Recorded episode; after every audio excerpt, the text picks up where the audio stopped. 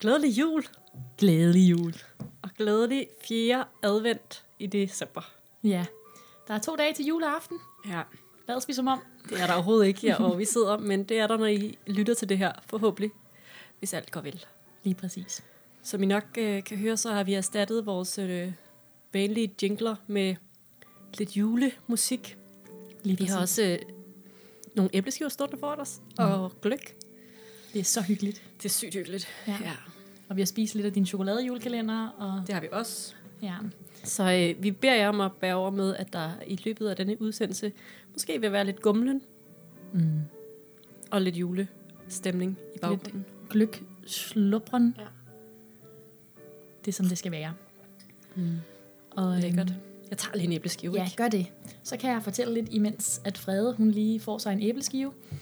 Øhm, vi har jo, som nogle af jer måske har bemærket, de fleste af jer håber vi, lavet en julekalender på Instagram og Facebook, som handler om fødestillinger, eller det er fødestillinger, tegninger af fødestillinger. Og øhm, delvis lavede vi en julekalender, fordi at vi bare tænkte, det var et fedt koncept. Vi har brug for at sprede noget mere juleglæde på vores Instagram. Men øhm, der er også en grund til, at vi har valgt, at det lige præcis skulle være fødestillinger, der skulle sættes rigtig meget fokus på. Ja, det tror jeg... Ej, vi har, jeg føler, vi har så mange mærkesager, men det her er også en af vores mærkesager. Ja. For allerførste afsnit, vi lavede, vores første egentlige afsnit i hvert fald, det handlede jo om det her øh, Hollywood-tema. Mm. Og det gjorde det, fordi at øh, vi godt gad at gøre lidt op med den her måde at portrættere fødsler på i Hollywood. Ja. Og øh, det her, det er lidt øh, et led videre i det, fordi at øh, i Hollywood-fødslerne, der, der er der ligesom også kun én fødestilling. Og, øh, og det gad vi godt at, øh, at oplyse om, at det er der ikke nødvendigvis. Og øh, det har været lidt været målet med, med vores øh, lille julekalender, mm. at vise alle de mange, mange stillinger, man kan føde i, eller man kan bruge bare i løbet af fødslen. Det er jo ikke ens betydende, at man behøver at føde i dem, men, men de kan bruges til det, og de kan også bare bruges i løbet af fødslen. Mm, lige præcis. Og jeg tænker, at den stilling, du henviser til, når du snakker om Hollywood fødestillingen er rygleje.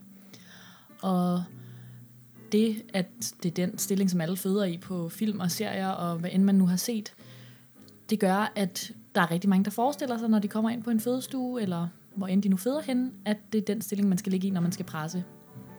Og det må man gerne. Det skal slet ikke være det. Nej. Men vi vil bare gerne vise, at det skal man overhovedet ikke være låst til, og der er måske også rigtig mange fordele ved alle mulige andre stillinger. Ja. Så øh, åbne lidt ens øh, billede af fødstillinger op, og fortælle lidt om, hvordan øh, andre stillinger kan bruges til ens fordel, og bare give en et indtryk af, at man har helt vildt mange redskaber med sig, når man skal føde. Ja, ja lige præcis. Lidt vores, vores fabelagtige øh, hashtag, synes jeg jo selv. Fød som du vil. Altså det er i Mhm. virkeligheden det, der er vores allerstørste budskab, er, at man kan føde i alle stillinger. Og øh, hvis man ligesom også ved, at der er andre muligheder end bare at føde på ryggen, så tror vi også på, at øh, man vil være mere tilbøjelig til at, at afsøge nogle af de her stillinger, og måske være bedre til at lytte til sin krop og se, hvor det er allerbedst for en at føde. Lige præcis. Og øhm, en af de helt store grunde til, at det kan give mening at komme i andre stillinger end bare rygleje, det er jo, hvordan bækkenet er opbygget. Og øhm, jeg tænker, at vi skal starte med at kaste os ud i en tekstbogen og bare fortælle lidt om bækkenets anatomi, altså bækkenets opbygning, øhm, sådan så at man kan få et indtryk af, hvad det har betydning, hvilken stilling man ligger i.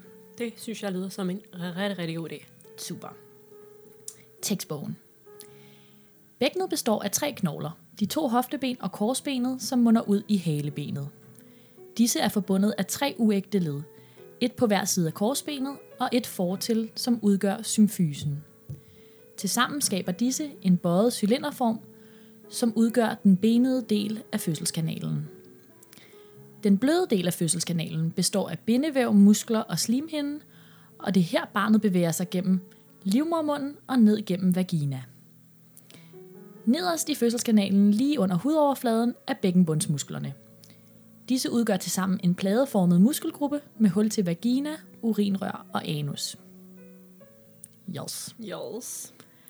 Det var the hardcore anatomi Ja. facts.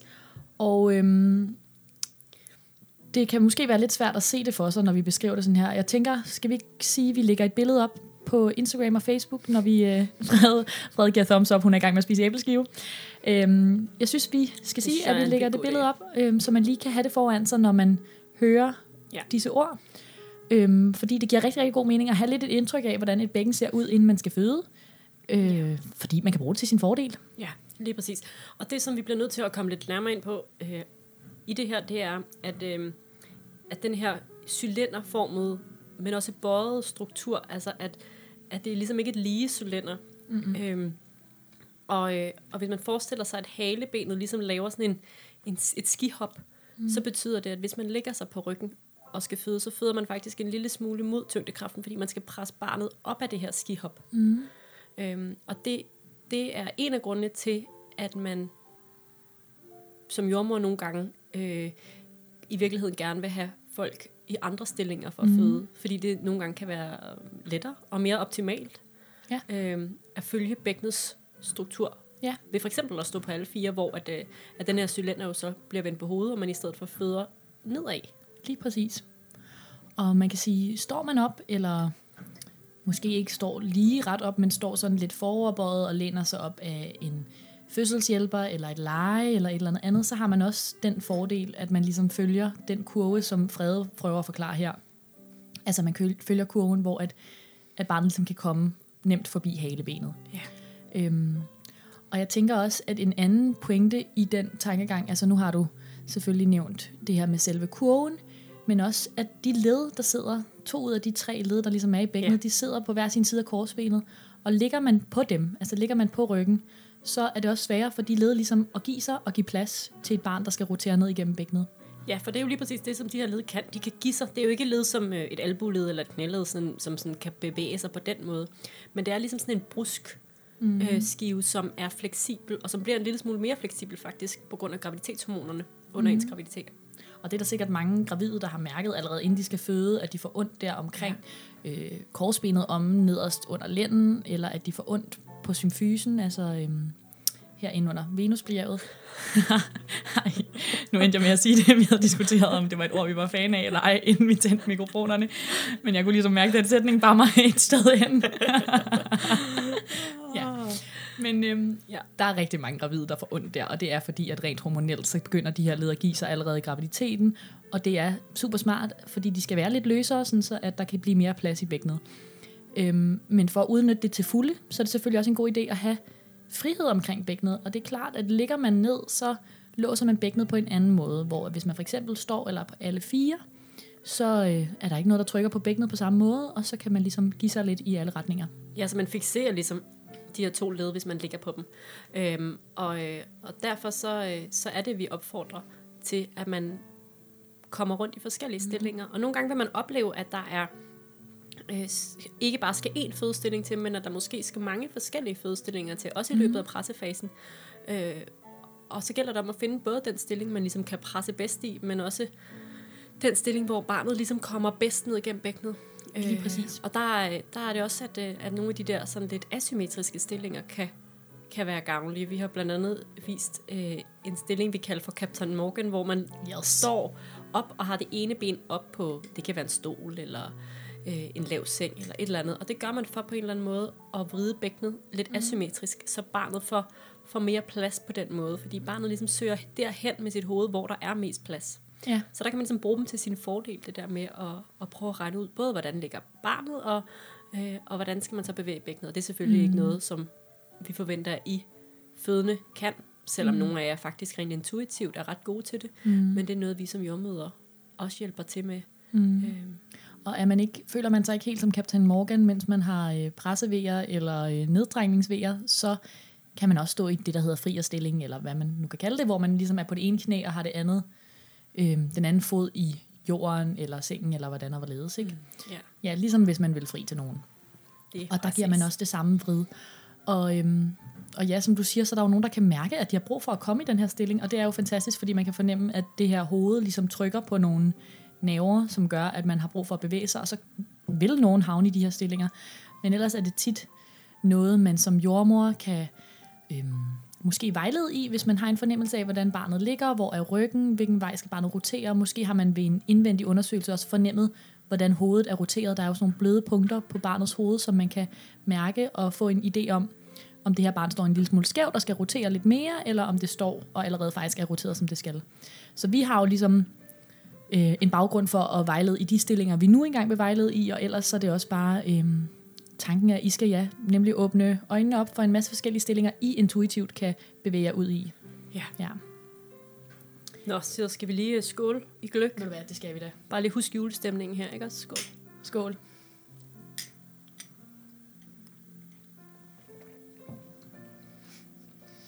Det er en god lyd af, at man både øh, sluger gløk og øh, tykker på mandler. Mm. ja. Lyden af jul. Den bedste slags jul. Gløkjulen. Lykkelig julen, ja. ja. Øhm, og, øhm, og når det er så sagt, så, så vil der også være nogen der, hvor at den der med at ligge på ryggen er den bedste metode. Altså når man har været igennem alle mulige andre stillinger, øh, for eksempel, og det bare er som om, at, øh, at der ikke rigtig sker nok, så er det nogle gange, at man ender på ryggen. Nogle gange også med benene, be, bener, med benene i bøjler. Eller benet. eller benet i bøjler. Og, øhm, og så er det, man finder ud af, at det i virkeligheden er der, man har, har flest kræfter til at presse. Og så kan den også give rigtig god mening. Mm. Det er bare ikke den eneste fødestilling, vi har at Nej. byde på.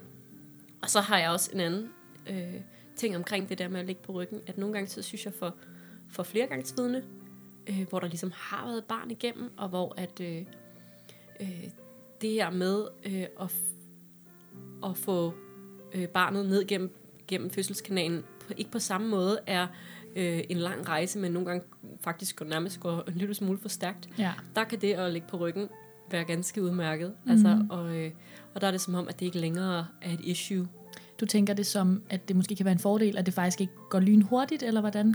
Ja, jeg tænker bare, at nogle gange er det der, man, hvis man har en fødsel, øh, vi har jo nogen, der kommer ind, særligt de andengangsfødende, som mm. kommer ind og er rigtig langt i fødsel, og i virkeligheden ikke når at være på en fødestue så lang tid. Ja. Øh, og og der, der er der nogle gange, at de har så, så mange og så kraftige vejer, at de simpelthen ikke, altså, at de nærmest bare skal, skal kunne følge med, mm. øh, og ikke skal bekymre sig om at stå op, mm. eller øh, komme alle, rundt i alle mulige stillinger, men at de bare smider sig på ryggen og føder et barn. Mm. Og der kan den være ganske udmærket, fordi de også selv kan være med til at tage imod det her barn. Ja. Øhm, Jeg synes, det er en god pointe, og jeg synes også, at i tråd med det, at jeg vil nævne, at de fødsler, hvor man kommer ud i rigtig mange stillinger i løbet af en pressefase, er jo tit dem, hvor at det vil typisk være førstegangsfødende, men også fødende, hvor at det her barn ligesom skal bruge lidt mere hjælp til at få roteret sit hoved, som det nu skal, eller få øh, kommet ned igennem bækkenet. Og det, øh, det er jo meget forskelligt fra fødsel til fødsel, og der er nogen, som bare vil befinde sig i en stilling i løbet af en pressefase og have det rigtig godt der, og der er også nogen, der vil komme ud i alt muligt forskelligt og vil for, få foreslået en masse forskelligt fra jordmoren. Ja. Øhm, men det er klart, nu hurtigere en fødsel går, nu færre af de 24 fantastiske stillinger, vi har lagt op, vil man øh, nå at få afprøvet. Ja. Ja. Det er nok også mere fordi, at jeg tænker, at man tit kan have sådan en tendens til at, at udskille, som jordmor udskiller vi lidt den, det der med at ligge på ryggen og føde, mm. fordi der er rigtig mange gode ting at sige om at føde på andre måder end på ryggen. Ja. Øhm, Det er de to æbleskivemunde, det her, der snakker. og der vil jeg bare sige, at en gang imellem, så kan det der med at ligge på ryggen også noget, Mm. som, som kan være fint og godt Ja. i den enkelte situation. Så, så igen tilbage til det der med bare at gøre, som man synes, og gøre, som man mm. føler er bedst. Og, og det der jo også er ved at ligge på ryggen, det er, at øhm, for mange, altså man har jo et godt overblik, når man ligger der. Man kan nemt høre, hvad jordmoren siger, man kan nemt øhm, kommunikere med dem, man har med til fødslen, og man kan se, altså jeg vil sige, det er måske lidt svært at se præcis, hvad der foregår i pressefasen, selvom man ligger på ryggen, men man kan jo i hvert fald se, når ens barn kommer ud. Ja, man kan føle en lille smule bedre med, ja. måske. Præcis. Ved nogen, altså sådan vil nogen føle det. Ja, og i, altså i langt de fleste stillinger kan man jo se noget, hvis man får øh, et spejl med, og mm. det har vi på mange fødestuer, ellers så kan man selv tage det med, hvis man gerne vil følge med. Så det er ikke det, der skal holde en fra at være i nogle andre stillinger, men, men jeg tænker, at kommunikere med de andre mennesker, der er til stede, er øh, nemmere i nogle stillinger end andre. Mm. Og det er i hvert fald nemt i rygleje. Øhm, og omvendt, så kan man sige, altså det jeg ligesom tænker på, hvis jeg tænker en stilling, som er svær at kommunikere i, det er knæ albuleje hvis man har hovedet nede i en pude, eller står lænet, lænet op af et hovedgæret, eller et eller andet, der gør, at man faktisk ikke kan se de andre på stuen. Øhm, det kan være svært at kommunikere der, men der kan faktisk også være en fordel omvendt i, at man så er fokuseret på projektet, eller mm. hvad man siger, at man. Ja. ligesom kan gå ind i sin eget hoved, og når man så ikke har ved, og man har pause, bare luk øjnene, træk vejret, slap af, og kun tage vejerne. Mm. Så der er ligesom fordele og ulemper. Ja, og når du siger det her med at øh, kommunikere, så er det jo fordi, at vi, vi har et ret tæt kommunikation til den fødende i, i pressefasen i nogle tilfælde. Der er også nogle ja. tilfælde, hvor at, at der ikke behøver at være så meget kommunikation. Mm. Men tit og ofte vil vi øh, hjælpe i forhold til at guide, øh, måske særligt for de første gangsfødende med, hvornår skal, skal man presse og måske også opmuntre lidt. Øh, Ja. og, øh, og nogle gange vil vi også øh, guide det der med, at man på et tidspunkt ikke skal presse længere, men i stedet Mhm. for skal puste. Så det er jo ligesom, det, det er en måde, vi i hvert fald kan passe på øh, i forhold til bristninger. Det er ved Ja. at guide det sidste stykke af, pressefasen, Ja. sådan så at barnet kommer så langsomt ud som muligt, og derfor øh, forhåbentlig gør sig lidt skade på vej ud som Ja. muligt. Og, Og man det- kan jo sagtens kommunikere med en jordmor, Ja. selvom man står i knaldboleje. Det er jo ikke sådan, så, at så er vi bare stille, og du kan ikke se os. Altså så vil det være, så vil vi bare snakke lidt højere, eller øhm, så kan man måske ikke ja, se hinanden i øjnene på samme måde, men man kan godt høre, hvad der bliver sagt, og, øhm, og på den måde sådan tilpasse sig situationen. Ja. Men det er rigtigt, at i forhold til sådan at undgå bristninger, så er kommunikationen i pressefasen meget vigtig. Ja. Jeg tænker måske, at det giver mening at snakke lidt mere om bristninger, når vi snakker om fødestillinger. Øhm, og der er sådan lidt, vil man måske opdage alt efter, hvor man skal føde hen i landet, nogle forskellige øh, religioner i forhold til det her med fødestillinger. Øhm, der er simpelthen nogle fødeafdelinger, som har lavet nogle politikker omkring fødestillinger. Ja. Øhm, der er også rigtig mange afdelinger, som ingen politikker har, og hvor man bare kan gøre frit, hvad man vil. Altså, det kan man jo altid. Det, det kan man altid det i gøre virkeligheden, frit, det der er vores pointe, det er, ja. at selvfølgelig kan man det, men, men der var ligesom øh, for nogle år siden, blev der indført nogle håndgreb, og de kalder det for nogle forskellige ting. Nogle gange kalder de pistolgrebet, øh, nogle gange kalder de hope. Øhm, og Ja. det er et håndgreb, der ligesom skal sikre og beskytte mellemkødet. Man gjorde det for at undgå de her svære bristninger, øh, og så har man indført dem på nogle fødesteder, og der er nogle fødesteder, som ikke i samme grad øh, har indført dem. Hos os har vi dem ikke. Og det gør, at vi øh, måske ja, netop ikke går så meget op i, mm. Hvilken stilling man ligger i. Fordi det, der er med de her håndgreb, det er, at de kan ligesom kun udføres i visse stillinger. Mm. Det vil sige, at man skal enten ligge på ryggen, som vi jo lige har talt så meget om, og Ja. ellers så skal man, kan man stå i alle fire eller på siden. Mm. Men det der med at stå op og føde og føde i vand og sådan noget, mm. det, det gør, at man ikke længere kan udføre de håndgreb. Ja, og der er også nogle af håndgrebene, alt efter hvilket koncept det ligesom er, der er på den fødeafdeling. Der er også nogle af dem, hvor det ligesom skal være i rygleje. Selvom man vil kunne lave, altså støtte mellemkødet på samme måde i en anden stilling, så er det ligesom en del af hele pakken, eller hvad man siger, at man skal ligge på ryggen, og så skal man have hænderne på en bestemt måde, eller jordmoren skal have hænderne på en bestemt måde. Og øhm, vi, altså, det er jo en, et stort fokus for os som jordmødre at forsøge at undgå, at de fødende får bristninger, eller i hvert fald slemme bristninger. Og, øhm, og det, det kan se ud på forskellige måder, fordi der er endnu en gang, hvis man ser væk bort fra de her koncepter, som der er nogle steder, der har indført, så er der nogle andre argumenter, som gør, at, at nogle andre stillinger i virkeligheden kunne vælges for at undgå bristninger. Ja. Som for eksempel at føde i vand, hvor at man jo har øhm, varme på, som ligesom gør, at der kommer mere blod til vævet, så vævet bedre kan give sig. Og det er jo også et argument for, at det måske kunne give rigtig god mening at føde i vand i forhold til at undgå bristninger. Ja. Og der kan man jo så ikke lave de håndgreb, så det er jo... Jeg synes i hvert fald måske, at det er en lille smule fjollet at indføre sådan et håndgreb, der skal gælde over en hel afdeling. Ja, sådan et universalt håndgreb. Ja. Ja. Og jeg vil også sige, at der var så en af vores jordmøder i vores afdeling, som besluttede sig for, da håndgrebene kom til Danmark, øhm, og ligesom undersøge det. Og hun lavede så et studie på vores afdeling, hvor det ligesom ikke er en del, for at se med, hvor, mange, hvor stor er frekvensen af de her svære bristninger. Og fandt ikke, at, at det var øh, forbundet til håndgreb.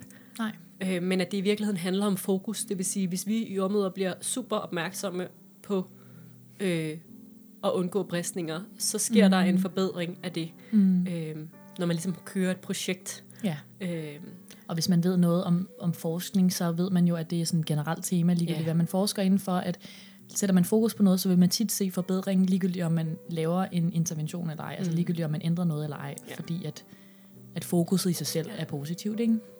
Jeg havde i hvert fald oplevelsen af, da jeg kom til, til dengang Næstved, øh, at det var en helt anden frihed at kunne få lov til ikke at, at fokusere på øh, håndgreb, men i stedet for at fokusere på den enkelte person. Mm. øh, den fødendes behov, både for fødestilling, Mm. øh, men også fordi, at, at øh, mellemkød er så forskelligt Ja. fra individ til individ.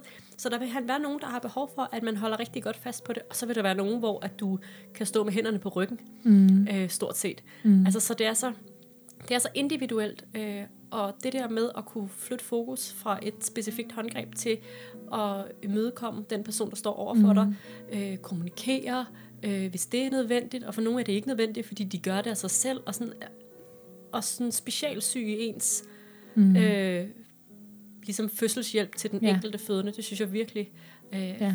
har været det, der har givet allerbedst mening for mig.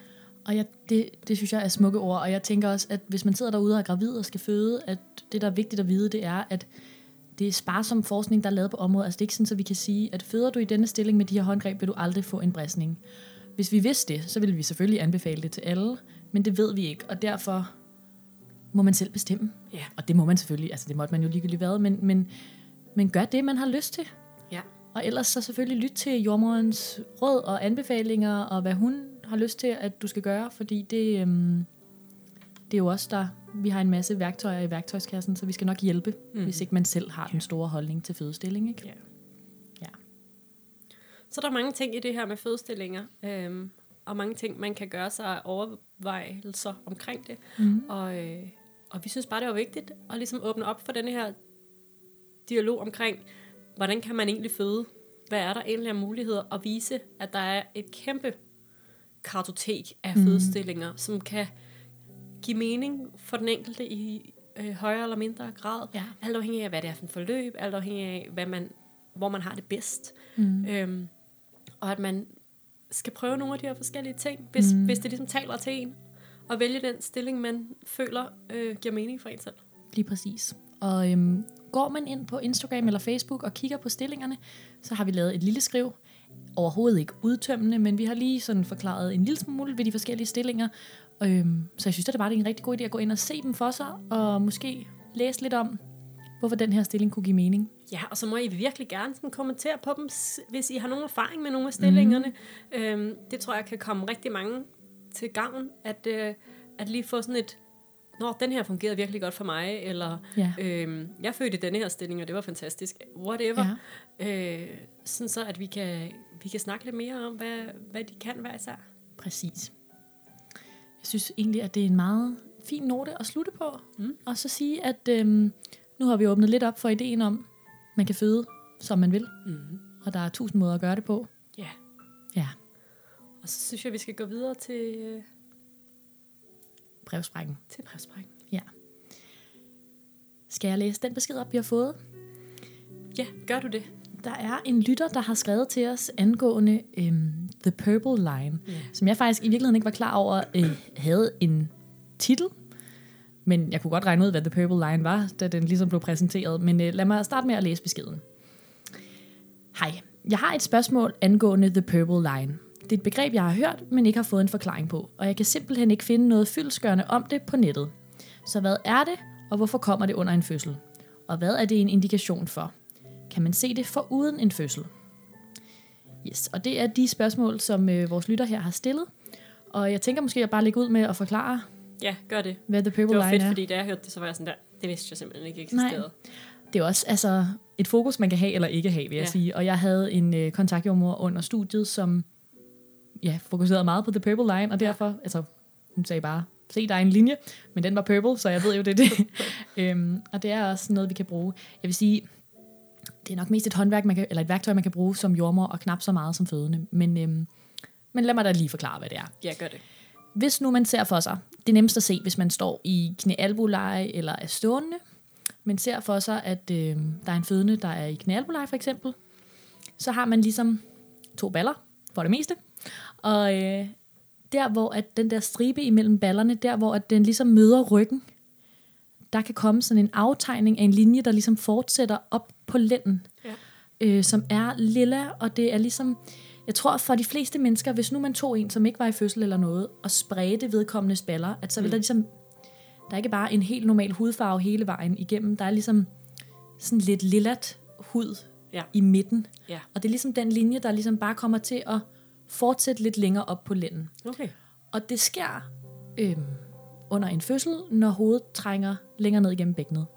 der kommer ligesom tryk på det her væv, så det svarer jo lidt til, altså det er jo ikke det samme som, at der står en og spreder ballerne, men der er ligesom noget tryk, der får ballerne lidt fra hinanden også. Mm. Og, øh, og det kan gøre, at den der linje ligesom kommer sådan... Træder frem. Ja, den træder frem. Ja. Præcis. Og øhm, man kan bruge det som et værktøj, som jordmor i hvert fald, øh, til at se, at det her hoved kommer Ja. tættere og tættere på. Altså at barnet ligesom får roteret sig længere ned igennem fødselskanalen, og den der linje ligesom bliver mere og mere tydeligt. Altså typisk, så kan man mest se det sådan ret tæt på, at barnet er helt nede på bækkenbunden, og man også vil kunne skimte dets hoved imellem øh, labia. Ja. Men det er sjovt, fordi det, er, det viser jo så, at jeg har ikke rigtig brugt det som værktøj. Til gengæld så har jeg brugt et andet værktøj, som er, at man også kan se, øh, ligesom at, at lænden, altså her, hvor de her to øh, uægte led er på lænden på hver sin side af korsbenet, så det vil faktisk sige, at det næsten er korsbenet, der ligesom træder frem, at der kommer sådan en rund bule, og som jo er, når barnets hoved også trænger ned igennem bækkenet. Ja, At man nærmest sådan kan se, at lænden bliver udspilet og sådan buer Ja. lidt opad.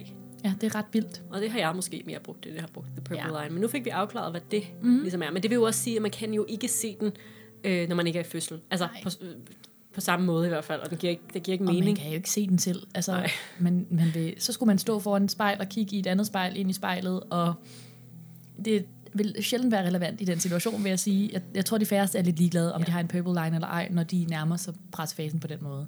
Mm. Øhm, men det er jo sådan et meget interessant øh, begreb i forhold til at sådan sætte lidt fokus på, hvor mange mærkelige ting jordmødre holder øje med under en fødsel, og hvor mange, ja. Hvor mange små spøjse ting, vi kan bruge som indikationer for, hvor man er i fødslen, og hvor langt man er. Og måske også bruge til at undgå så mange indvendige undersøgelser, hvis ja. Man er fødende, og nogle fødende synes, det er dejligt at blive undersøgt tit, sådan, så de kan få at vide præcis, hvor øh, hovedet står, hvor langt ned det er trængt ned i bækkenet. Men, Dejligt, det er et fedt begreb. Måske mere nyttigt end dejligt. Ja, dejligt er måske ikke et godt begreb, men sådan, det er af interesse, Ja, eller sådan præcis. motiverende for dem i Ja. hvert fald. Ikke? Øhm, hvor at, er man en af dem, som ikke bryder sig om at blive undersøgt, og synes, det er meget ubehageligt, og gerne vil begrænse det så meget som muligt, så, øh, så ved, at jordmøderne har alle mulige andre ting, vi kan kigge på. Øhm, selvfølgelig V'erne og den fødendes lyde, men også sådan noget som The Purple Line, og Ja. om man kan se, at de her bækkenmuskler begynder at give sig. Ja. Ja, Det er meget, det er meget sejt. det er meget måder. cool. Ja. Ja, men det tænker jeg egentlig var meget fyldesgørende. Ja. Tak for det, Side. Jamen, det var skam så lidt. Øhm, det, er jo, altså, det er jo virkelig snart jul. Det er virkelig snart jul. Det er så dejligt. Ja, jeg skal jo arbejde juleaften i år. Skal du det? Ja. Eller det vil sige, at jeg skal arbejde 12 timer juledag, juleaftensdag. Mm. Det vil sige, at jeg skal arbejde fra klokken halv otte om morgenen til halv otte om aftenen. Klokken halv otte om aftenen, der er det jo juleaften. Ja, og Så. fordi når man så arbejder i Slagelse, og ens familie ligesom ikke er i Slagelse, Ja. så øhm, betyder det jo, at jeg skal fragte mig. Hvor er din familie henne? Men de er faktisk i Hillerød. Mm. Og nu prøver jeg så at overveje, om jeg, det kommer nok også lidt an på, på dagen, men om jeg kan nå til Hillerød, eller om jeg i stedet for bare skal, skal gå Mm. øh, for at møde dem inde i København, når de ligesom kommer hjem til dem selv. Ja.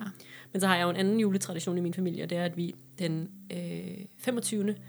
Øh, siden jeg var, altså altid, Mm. siden så længe jeg kan huske, har slukket telefonerne den 25. Og så øh, bruger vi en hel dag på sofaen, mig og mine forældre og min lille søster, på at se film og spille spil. Og Ej, det lyder så ja. Hyggeligt. vi plejer at have sådan nogle, der var et år, hvor vi så øh, alle afsnit af Rejseholdet, for eksempel. Ja, Øhm, Ja. det lyder ikke så hyggeligt. så vi plejer, vi plejer at have sådan nogle øh, temaer, Ja. vi ligesom kører. Jeg prøver at overtale dem til, at, øh, at vi skal se alle Harry Potter-filmene, eller i hvert fald så mange, Mm. vi nu kan nå. Hvor langt er du kommet med dem? Fred er jo i gang med at lytte, lytte til alle øh, Harry Potter-bøgerne på lydbog. Ja, det er jo, øh, der er jeg jo lidt, lidt bagud, kan man Ja, sige. det må man sige. Det, det er første gang, jeg rigtig... Jo, jeg tror, jeg har fået læst øh, etteren op som barn, men, øh, men det er første gang, jeg rigtig kaster mig ud i dem, og jeg er lige akkurat blevet øh, færdig med fjerde bog og gået i gang med femte.